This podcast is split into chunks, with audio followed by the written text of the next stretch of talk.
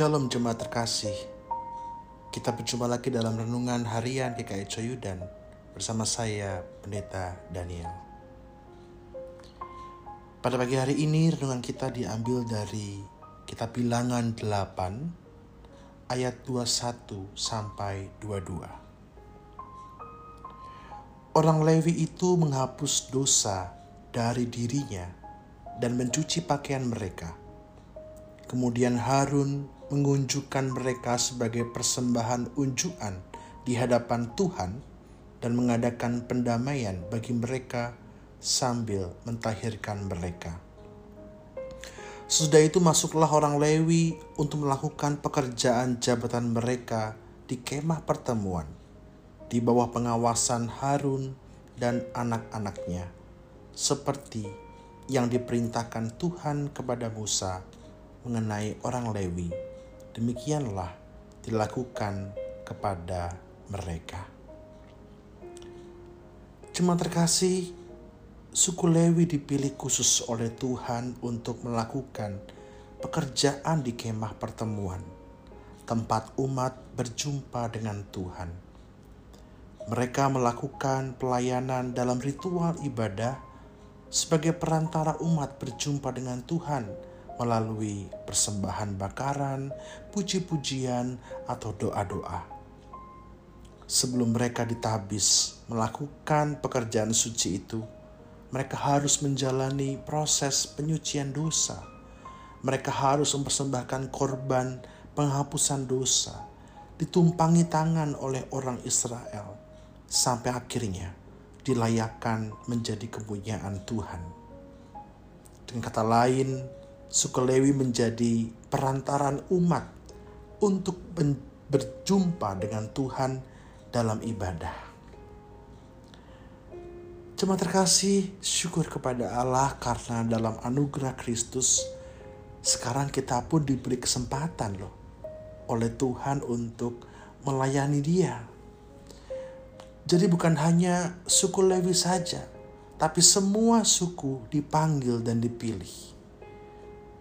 Dalam 1 Petrus 2 ayat 9 firman Tuhan mengatakan, Tetapi kamulah bangsa yang terpilih, imamat yang rajani, bangsa yang kudus, umat kepunyaan Allah sendiri, supaya kamu memberitakan perbuatan-perbuatan yang besar dari dia yang telah manggil kamu keluar dari kegelapan kepada terangnya yang ajaib.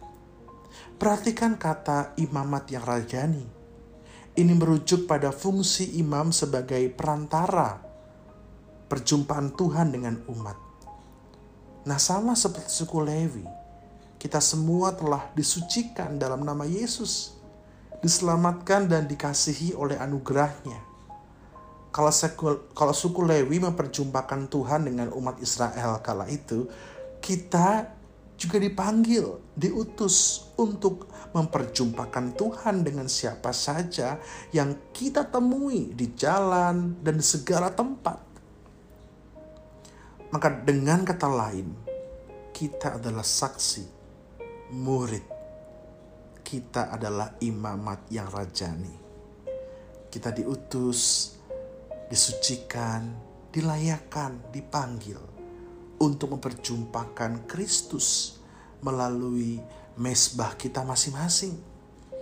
Bisa jadi itu mesbah meja kantor kita, mesbah meja sekolah kita, mesbah rumah tangga kita, mesbah di mana pun kita diutus ke sana.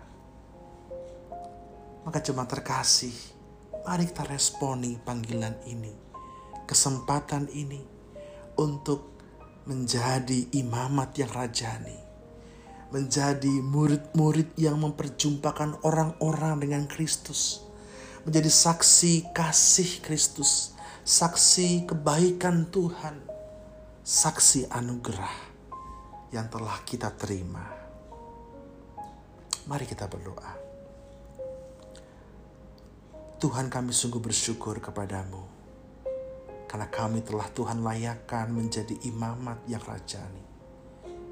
Maka ya Allah mampukanlah kami semua untuk memperlihatkan siapakah engkau, untuk bersaksi tentang kemuliaanmu, kasihmu, anugerahmu. Melalui setiap mesbah yang Tuhan tempatkan kami berada saat ini.